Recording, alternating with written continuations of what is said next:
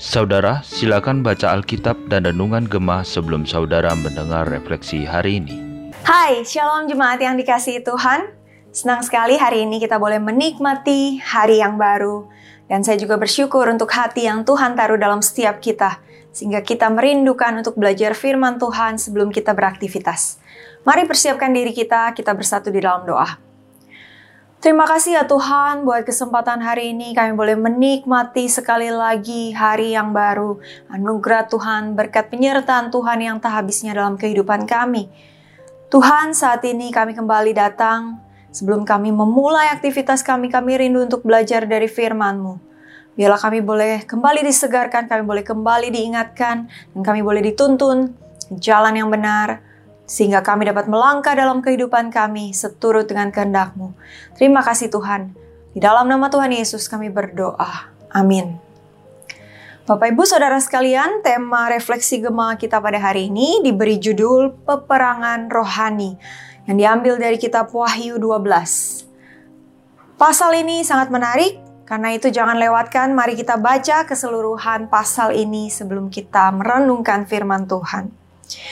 Saat ini saya akan bacakan dari Wahyu 12 ayat 7 sampai 9 dan 13 juga ayat 17.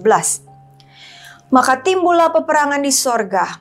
Mikael dan malaikat-malaikatnya berperang melawan naga itu, dan naga itu dibantu oleh malaikat-malaikatnya. Tetapi mereka tidak dapat bertahan, mereka tidak mendapat tempat lagi di sorga. Dan naga besar itu, si ular tua yang disebut iblis atau setan yang menyesatkan seluruh dunia, dilemparkan ke bawah. Ia dilemparkan ke bumi bersama-sama dengan malaikat-malaikatnya. Dan ketika naga itu sadar bahwa ia telah dilemparkan di atas bumi, ia memburu perempuan yang melahirkan anak laki-laki. Ayat 17, maka marahlah naga itu kepada perempuan itu lalu pergi memerangi keturunannya yang lain yang menuruti hukum-hukum Allah dan memiliki kesaksian Yesus. Demikian pembacaan firman Tuhan. Bapak Ibu Saudara, pasal ini menarik ya. Tetapi mungkin sebagian dari kita belum memahami atau mungkin masih bertanya-tanya siapa yang dimaksud dengan perempuan, siapa yang dimaksud dengan anak ya. Sedikit briefing tentang itu bahwa perempuan yang disebutkan dalam kitab Wahyu 12 bukanlah menggambarkan ibunya Yesus Maria, melainkan perempuan ini melambangkan bangsa Israel yang setia, di mana dari bangsa Israel ini lahirlah Mesias dan gereja Tuhan. Anak laki-laki yang dilahirkan oleh perempuan itu adalah Kristus, yang kemudian dikatakan dirampas dan dibawa lari kepada Allah, melambangkan kenaikannya ke sorga.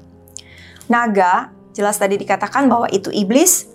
Nah, peperangan di sorga antara Mikael dan iblis terjadi ketika Kristus mati di kayu salib, kemudian dia bangkit dan naik ke sorga.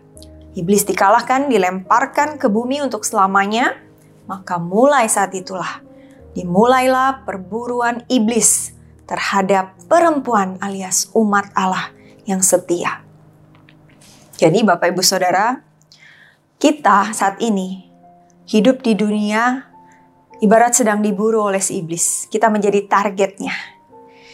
Kita hidup di dunia seperti musafir yang berjalan di dalam dunia yang penuh peperangan. Yang mau nggak mau membuat kita harus ikut berperang. Lantas gimana caranya kita bisa berperang bahkan menang dalam peperangan? Hal ini sangat ditentukan bagaimana kita mengenali musuh kita dan mengenali seberapa besar kekuatan mereka. Semakin kita mengabaikan kekuatan musuh, maka semakin besar kemungkinan kita kalah perang. Inilah yang sering terjadi dalam kehidupan orang percaya. Kita sering pandang enteng, kita sering menganggap iblis itu nggak ada. Kita sering beranggapan bahwa saya cukup kuat iman, saya nggak akan jatuh dalam dosa yang seperti itu. Kenyataannya banyak orang percaya yang jatuh di dalam dosa. Karena itu saudara, janganlah kita menjadi pandang enteng, janganlah kita mengabaikan pentingnya melatih kerohanian kita. Mari kita perhatikan hal-hal penting yang perlu kita pelajari dan kita ingat dan tentu kita lakukan dalam menghadapi peperangan secara rohani. Yang pertama, kita perlu mengenal siapa musuh rohani kita dan seberapa besar kekuatannya. Saudara lawan kita nggak main-main. Iblis itu sangat jahat. Dia licik dan penipu, dia sombong dan tinggi hati, dan dia selalu mencobai orang percaya. Bahkan Tuhan Yesus sendiri dicobainya. Pekerjaannya adalah mencuri firman Tuhan yang masuk ke dalam hati kita.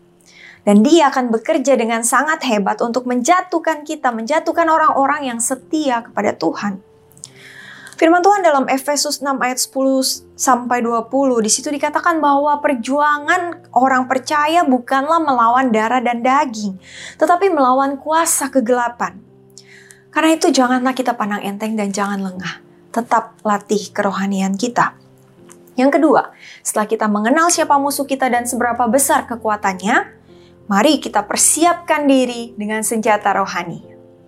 Kita nggak mungkin pergi perang dengan tangan kosong, kita harus mempersiapkan senjata dan mempersiapkan mental kita tentunya. Peperangan rohani nggak bisa menggunakan uh, senjata dan kekuatan fisik ya, melainkan harus memakai perlengkapan rohani. Bagaimana itu perlengkapan rohani? Tertulis dalam Efesus 6 juga, kenakanlah seluruh perlengkapan senjata Allah supaya kamu dapat bertahan melawan tipu muslihat iblis. Apa itu saudara? Perlengkapan senjata Allah. Ingatlah bahwa Tuhan sudah memberi kita karunia keselamatan. Kita adalah umatnya yang sudah diselamatkan. Dan karena itu Kristus telah membebaskan kita dari dosa.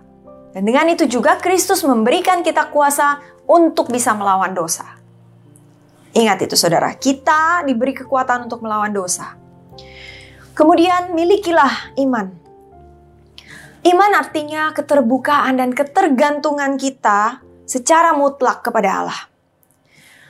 Kita perlu percaya sepenuhnya pada campur tangan Allah di dalam kehidupan kita, di dalam segala situasi, baik senang maupun susah. Ingat untuk terus terus bergantung pada Allah. Kemudian peganglah kebenaran Allah yang terdapat di dalam firman-Nya.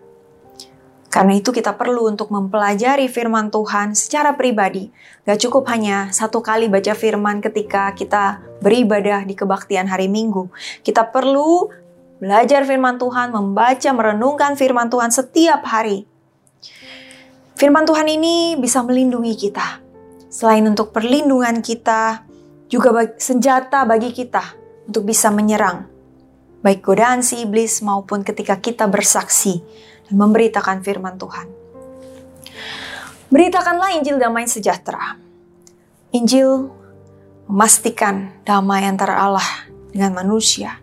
Injil yang diterima akan diterapkan dan melindungi, menyanggupkan seseorang untuk tidak terluka ketika cercaan datang, ketika gangguan datang, membuat kita sakit hati, mencoba menjatuhkan kita, tapi Injil akan terus menguatkan kita.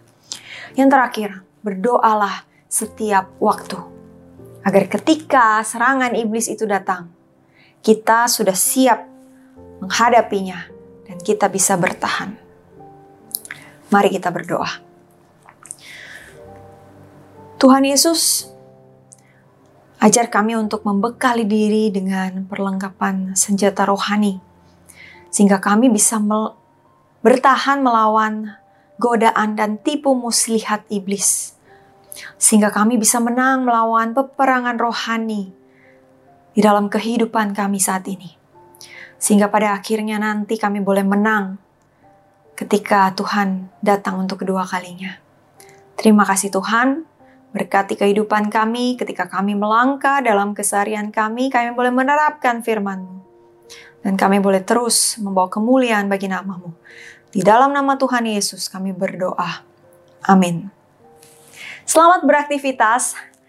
Stay healthy. God bless you.